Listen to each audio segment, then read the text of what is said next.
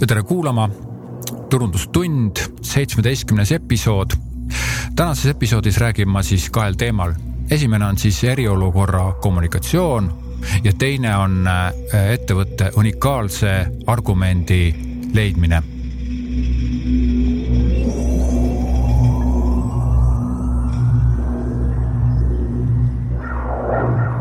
ja alustame siis pihta eh, ettevõtte erakorralise olukorra kommunikatsioonist.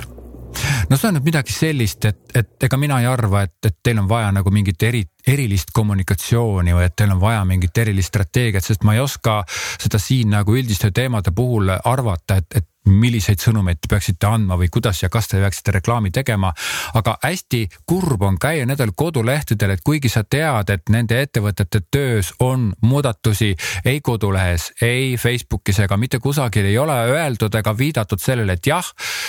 me oleme teadlikud, et te olete mures, aga pole pole nagu probleemi, et kõik saab korda, et meie töös on nüüd siuksed, siuksed muudatused ja asi läheb niimoodi, niimoodi, niimoodi edasi, et inimesed nagu lihtsalt saaksid oma väikese siukese turvatunde sisse või siis mm, jällegi anda kuidagi mõista, et jah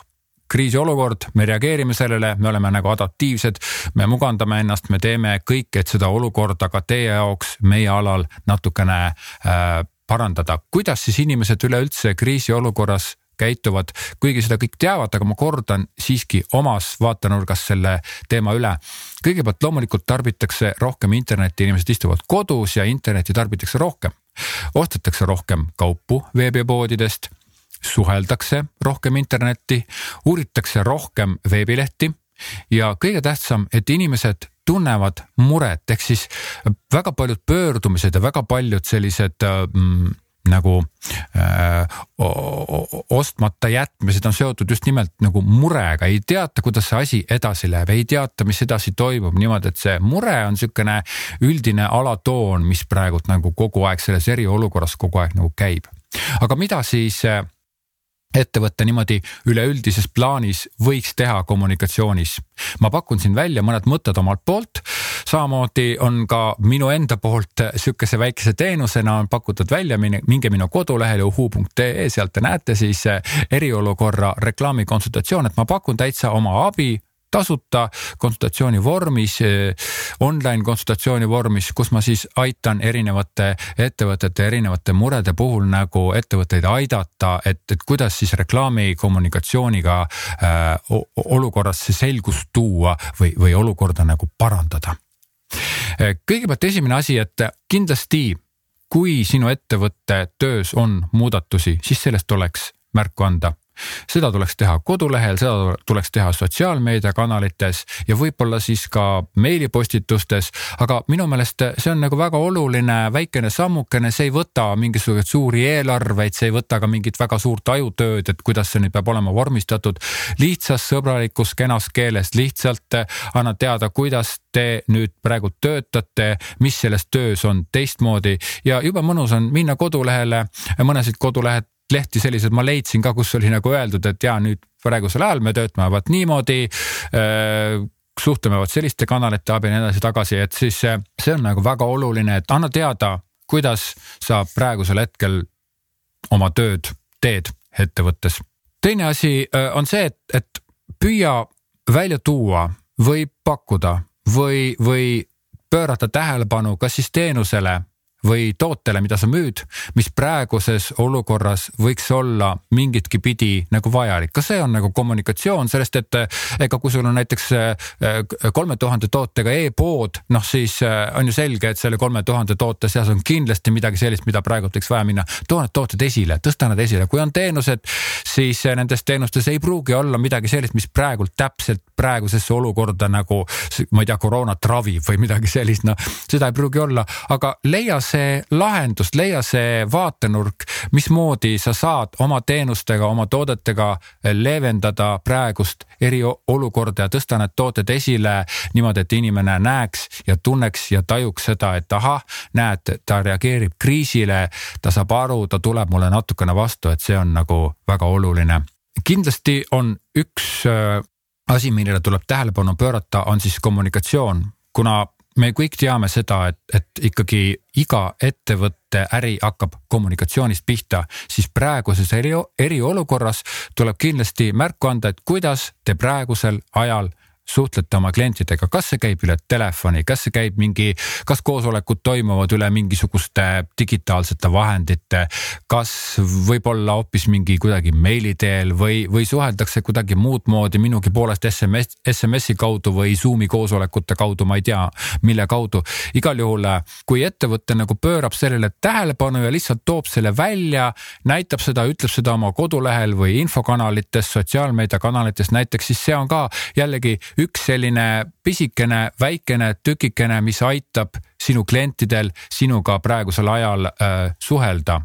eriolukorra suhtes on, on pigem nagu selline asi, et, et väga paljud ütlevad, et noh, ei tea, mis siin nüüd üldse edasi saab ja näe, kõik keeratakse kinni ja et no eks paneme meiegi uksed kinni, et tõmbame kõik kulud maha, et, et pigem noh, see on nagu üks mõtteviis, et pigem nagu püüda juurutada teistsugust mõtteviisi ja pigem mõtelda niimoodi, et aga kuidas saan mina selle kriisi enda kasuks pöörata, mitte et see kriis oleks midagi, mida sa tingimata pead enda kasuks pöörama. aga see on ju selge, et, et äri käib mitte läbi selle, et sa müüd tooteid ja saad raha selle eest, vaid äri käib läbi sellest, et sina pakud kas tooted või teenused, mis inimesi mingil hetkel aitavad, ehk siis aitamine on siin see keskne teema, on ju, ja näiteks ma ei tea, müüd auto varuosi, noh siis autoremondimehed ju, ju tegelikult sa ju aitad kaudselt autoomanikke sellega, et sa pakud neile varuosi, mida neil vaja on. et siis äh, äh mõtle välja see moodus, mõtle välja see viis, kuidas sa saad praeguses eriolukorras olla kasulik ja läbi selle sa äh, pöörad kriisi tegelikult enda kasuks, et selline mõtteviis, et no nii, nüüd on eriolukord, nüüd on kõik müügid maas, raad ei liigu, kõik on halvasti, paneme uksed kinni, enam midagi muud ei toimu, kõik müük kukkus kolinal, oi jumal, me nüüd äh, umbes kaevame augu ja hüppame sinna sisse kõik ja teeme nagu, kraabime mulla peale, et noh, see selline mõtteviis on, ta on küll hästi eestlaslik ja, ja ärimehele hästi selline omane aga ikkagi tuleks nagu ujuda vastuvoolu, mõtelda teisiti, aga kuidas me saame seda kriisi enda kasuks pöörata. nii, seitse minutit, seitse ja pool minutit kriisi juttu, rohkem ma seda juttu ei räägi igal juhul, mm, kui te soovite saada minult nõuandeid, soovite, et ma aitan teid oma välispidise ja, ja sellise professionaalse reklaamialase hinnanguga aidata teid, aidata teil mõtelda, aidata teil pakkuda välja erinevaid variante, mooduseid, kuidas läbi kommunikatsiooni saaks ettevõtte müüke elavdada, kuidas läbi kommunikatsiooni saaks teie kuvandit tõsta, kuidas kommunikatsioon saaks teid aidata, siis minge kodulehele uhuu.ee ja seal te näete, siis on kohe spetsiaalne vorm mul selle jaoks tehtud, kus te saate siis minuga äh, ühendust võtta ja, ja, ja suhelda ja nii et äh, mm, suhtleme ja tegutseme, tegelikult praegune mm, eriolukord on minu meelest üks väga huvitav ja väga hea mm, näidisolukord, sest et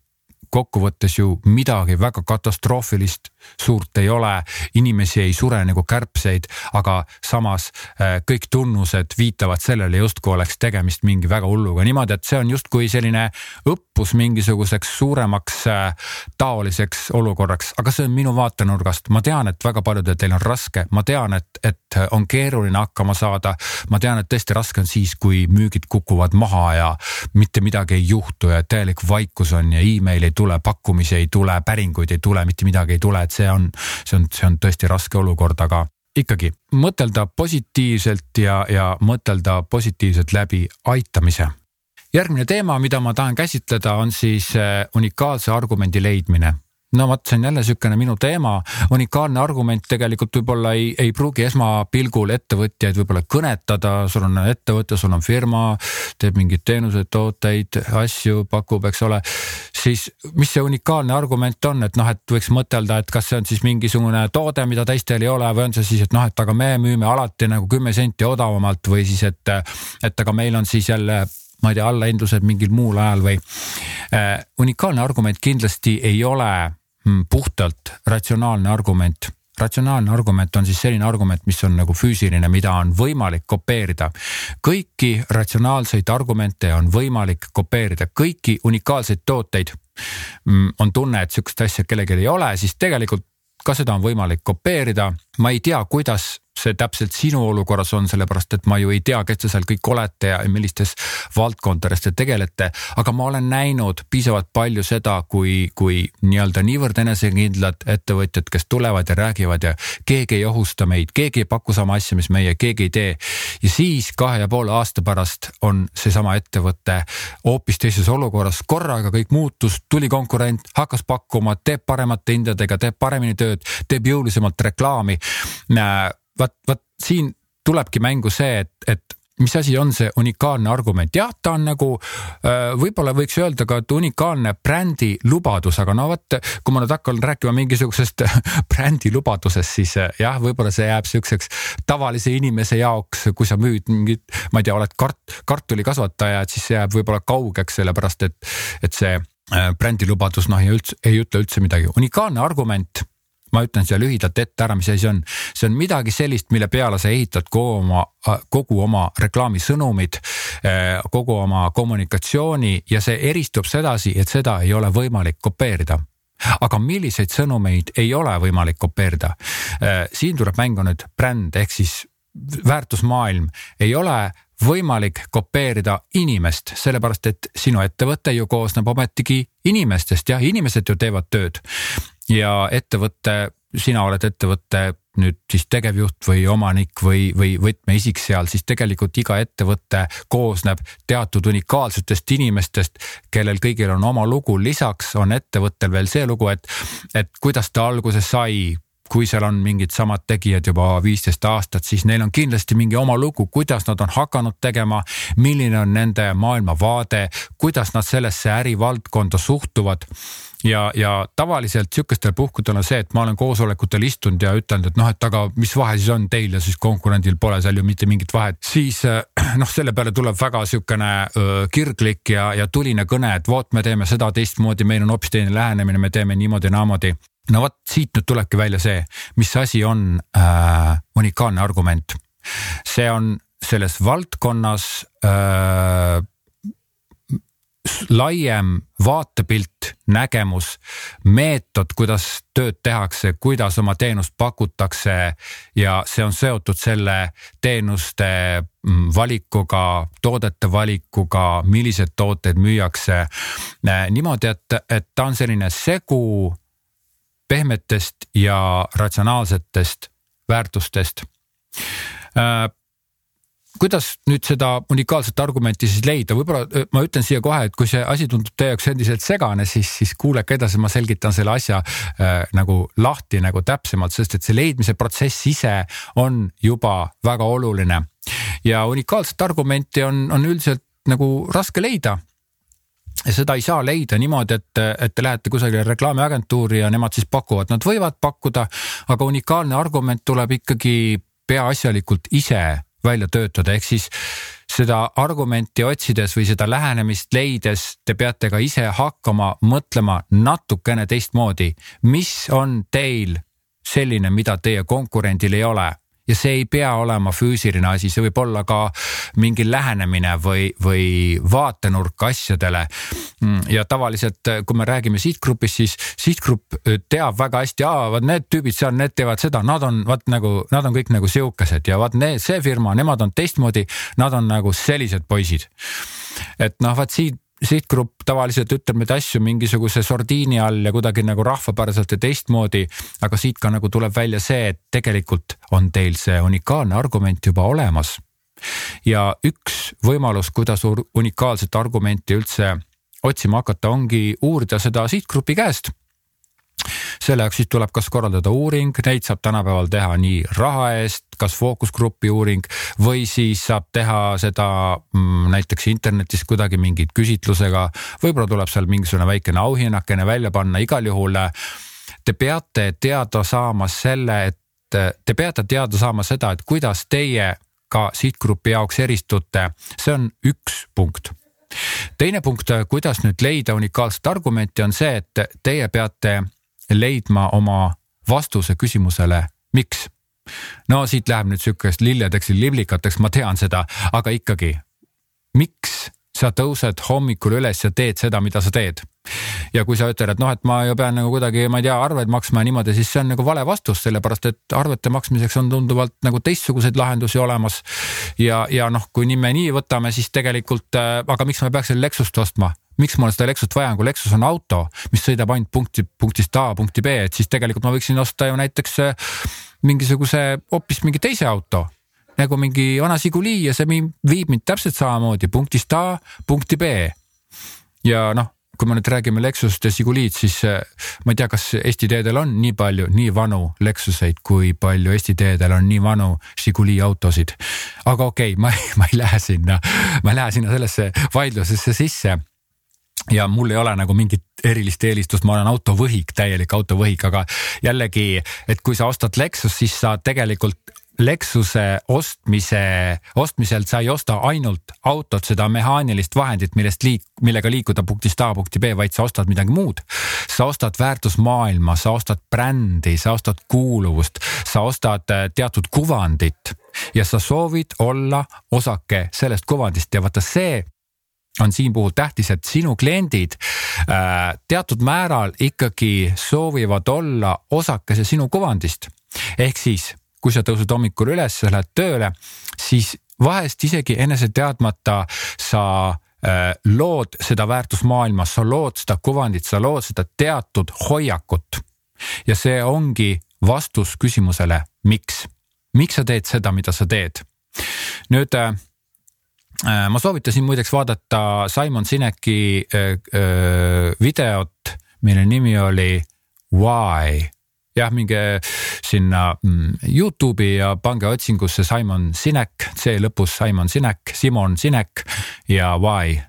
miks ja, ja sealt tuleb see video, Simon Sinek räägib selle loomulikult palju paremini lahti. aga nüüd, et kuidas seda vastust siis leida? Äh, siin tuleb nüüd mõtelda, et tegelikult kui te hakkasite seda ettevõtet tegema, siis teil oli ju, ju alguses tegite seda võib-olla kuidagi lihtsamalt, aastate jooksul tekkis teil mingisugune niisugune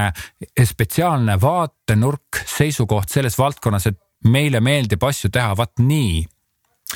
ja selle, et te teete asju vaat nii, siis nende läbi nende tegevuste te tegelikult teete ju midagi hästi, te teete midagi paremini, te teete midagi nagu perfektselt, täiuslikkus, et igas ettevõttes on olemas oma äh, soov, oma, oma nagu pürgimine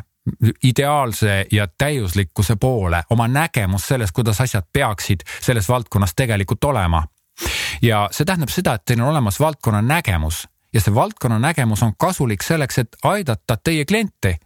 teie klienti, te pakute oma klientidele ju teenust ja te soovite seda teha ju parimal moel, kuidas aga vähegi võimalik on, ehk siis äh, see teie nägemus selles valdkonnas äh, aidata inimesi teatud moel, see ongi vastus küsimusele, miks sa teed seda, mida sa teed. see on see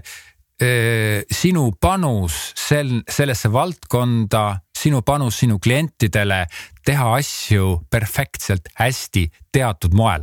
ei ole keeruline, eks ole, aga äh, ikkagi äh, see, see on nüüd esimene koht, kust siis saab hakata otsima vastust küsimusele, et, et mis see unikaalne argument on.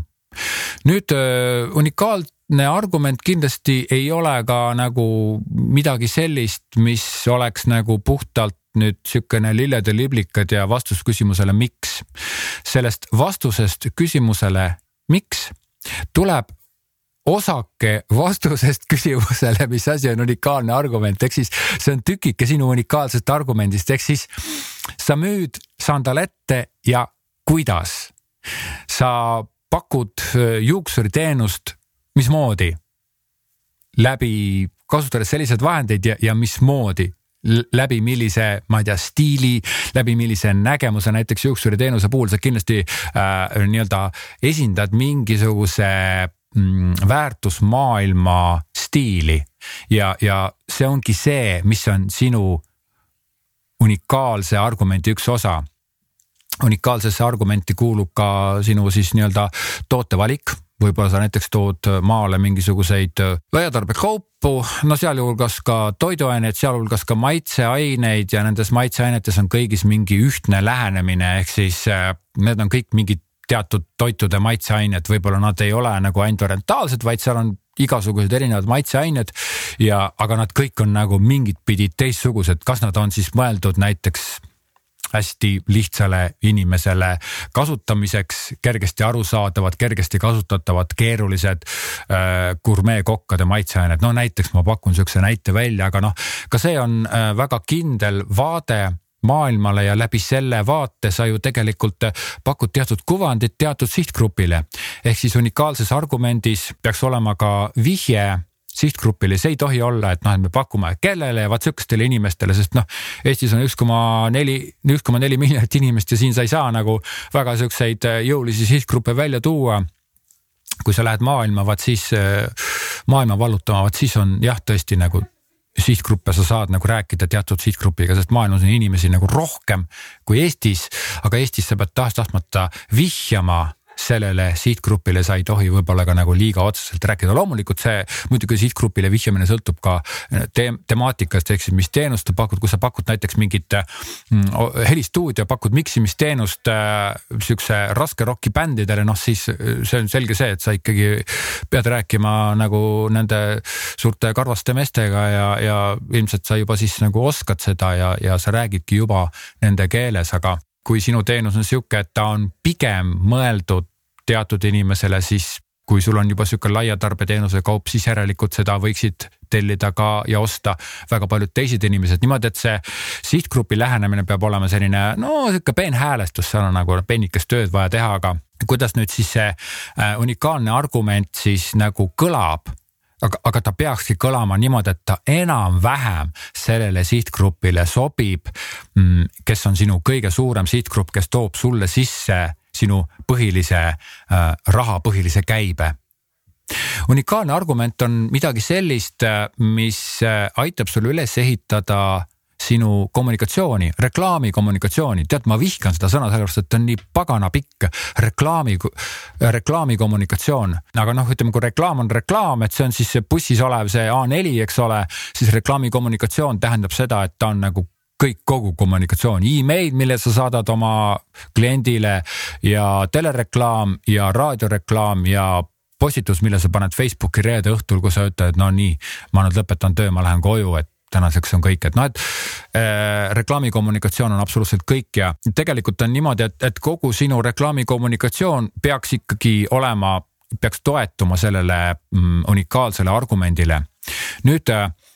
võib-olla, võib-olla huvitab sind hoopis rohkem see küsimus, et aga kuidas ma saan teha oma reklaamikommunikatsiooni unikaalseks ja nüüd tulebki see, et kui sa räägid ainult ratsionaalsetest väärtustest, mis sinu tootel või teenusel on,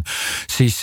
noh, sa ei saa teha kuigi unikaalset reklaami, sellepärast et sa räägid ainult kas hindadest või tootegruppidest või teenustest või teenuste pakkumise mingid asjadest. kui sa räägid unikaalse argumendi mm,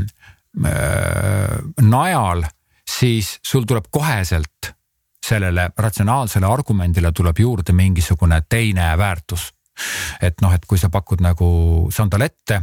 mis on puhtast nahast ja üldse jalatseid, mis on enamjaolt puhtast nahast,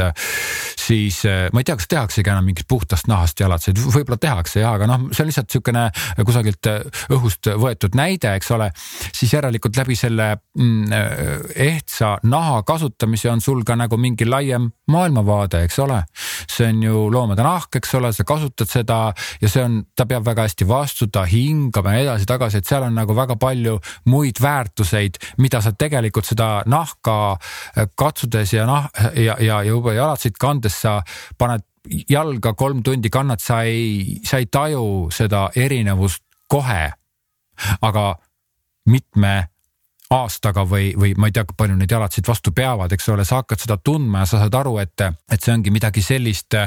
see ongi mingi väärtus või siis näiteks sinu sihtgrupile, kui sa müüd nahast jalatseid, ongi oluline, et see materjal oleks kindlasti nahk. ehk siis see unikaalne argument peab sisaldama mingit maailmapilti, mis on siis looduslik äh,, naturaalne, ehe loodusega kooskõlas, naturaalselt, jalasõbralik ja nii edasi-tagasi, nii et noh, et, et siit ei ole ainult see, et aga me pakume sandalette, need maksavad, eks ole, kolmkümmend eurtsi. noh, siis, siis tuleb sulle kohe keegi konkurent ütleb, et jaa, aga ma müün sedasama sandaletti ja see maksab kakskümmend üheksa eurot. Siis kui sul on unikaalne väärtus, siis tegelikult, aga sinu konkurent võib müüa sandaletti, aga tal ei ole täpselt sellist komplekti toodetest. Ja ta võib seda odavamalt müüa, aga inimesed pigem tulevad sinu juurde, kui nad on ära ostnud sinu selle kuvandi ja nad tarbivad sinu väärtusmaailma, siis sinu unikaalne argument räägib otse nende inimestega, kes, kes tahaksid osta just täpselt selliseid alatseid. okei okay,, jätame selle eh, sandalettide jutu nüüd, aga kuidas siis unikaalne argument on veel kasulik, tegelikult ma selle jutu alguses rääkisingi sellest, et, et aga tuleb sinu konkurent ja seda ma olen ka korduvalt näinud, kuidas äh, nii agentuuris kui ka töötades nüüd äh, niimoodi freelancer'ina, kuidas konkurentide reklaamid on mingil moel jõulisemad. Aga kui sul on see unikaalne argument olemas, siis sinu ka kogu reklaami tegevus on fokusseeritud ja ta ongi jõulisem ja omakorda jälle tänu unikaalsele argumendile sa saad oma reklaamidesse sisse panna nagu nagu väärtusmaailma ja see kõik ei tule niimoodi, et noh, paneme nüüd siia sisse, rõhutame siin seda, vaid, vaid ta tuleb kuidagi loomulikult, kuidagi naturaalselt ja kogu sinu reklaamitegevus põhineb sellel väärtusargumendil ja sinu reklaamitegevus on selline konkreetsem, fokusseeritum, selge, piirilisem, arusaadavam, äratuntavam ja vaata seda sellist äratuntavat joont kopeerida on juba väga raske. jah, see on võimalik aga sind kopeerida ju ei, ei ole võimalik ja sa teed oma selles maailmas oma vaatenurgas mingeid järgmiseid tegevusi ja see on juba sinu ütleme, kujutame ette sihukest halba konkurenti, see on selle halva konkurendi jaoks juba täiesti kättesaamatu. ta, tal on võimalus kopeerida sind siis, kui sa oled juba midagi teinud, aga ta ei saa ette mõtelda, et kuidas täpselt sina nüüd teeksid ja kui ta ka mõtleb, siis ta ei tee kunagi midagi sellist, mis on sinu võtmes unikaalne, ehk siis teie ettevõte on unikaalne. Teie, ma mõtlen siin kõiki, kes te seal ettevõttes olete, eks ole. sinu ettevõte on unikaalne ja, ja selle jaoks on vaja leida ka unikaalne argument, see on midagi, mis aitab sul eristuda konkurentidest niimoodi, et seda ei ole võimalik äh, järele ahvida, järele teha. Siit ongi see, et, et aga miks ma seda unikaalse argumendi juttu siin üldse räägin. sest et jube palju on neid veebilehti, reklaame, pakkumisi, kõike seda, mis on täiesti äratundmatuseni sarnane kellegi teisega, kas konkurendiga või lihtsalt mõne teisega, et, et see samasuguste reklaamide kohutav mass, samasuguste pakkumiste meeletu hulk, see on midagi sellist, mis ajab mind lihtsalt kommunikatsiooni inimesena, ajab mind rääkima seda juttu, et palun leia omale see eristuv, leia omale see unikaalsus, leia see unikaalne argument ja läbi selle saad sa palju lihtsamini eristuda ja näiteks räägime nüüd hoopis teisest nurgast. väga paljud ettevõtted, mina ei taha öelda, et sina peaksid niimoodi tegema, aga väga paljud ettevõtted mõtlevadki niimoodi, okei okay,, ma alustasin, tegutsesin kaheksa aastat ja tegelikult ma mõtlen selle peale, et ma võiksin selle ettevõtte nagu maha müüa. nüüd, kui tuleb investor või siis ostja, kes leiab investori, siis investor vaatab linnunännult ja kuna ta on investor ja ta on tegelenud ettevõtetega, riskide analüüsiga, siis ta näeb ju kohe ära, et, et kas sellel sinu ettevõttel on mingisugust jumet ära osta. kas tal on piis-, kas ta on piisavalt unikaalne, kas ta nagu paistab silma erinevalt, kas ta paistab silma teistmoodi, siis kui sa näiteks peaksid planeerima oma ettevõtet müüa, siis seda rohkem on sul vaja kasvatada selle ettevõtte unikaalsust, et kui keegi võtab selle üle siis äh,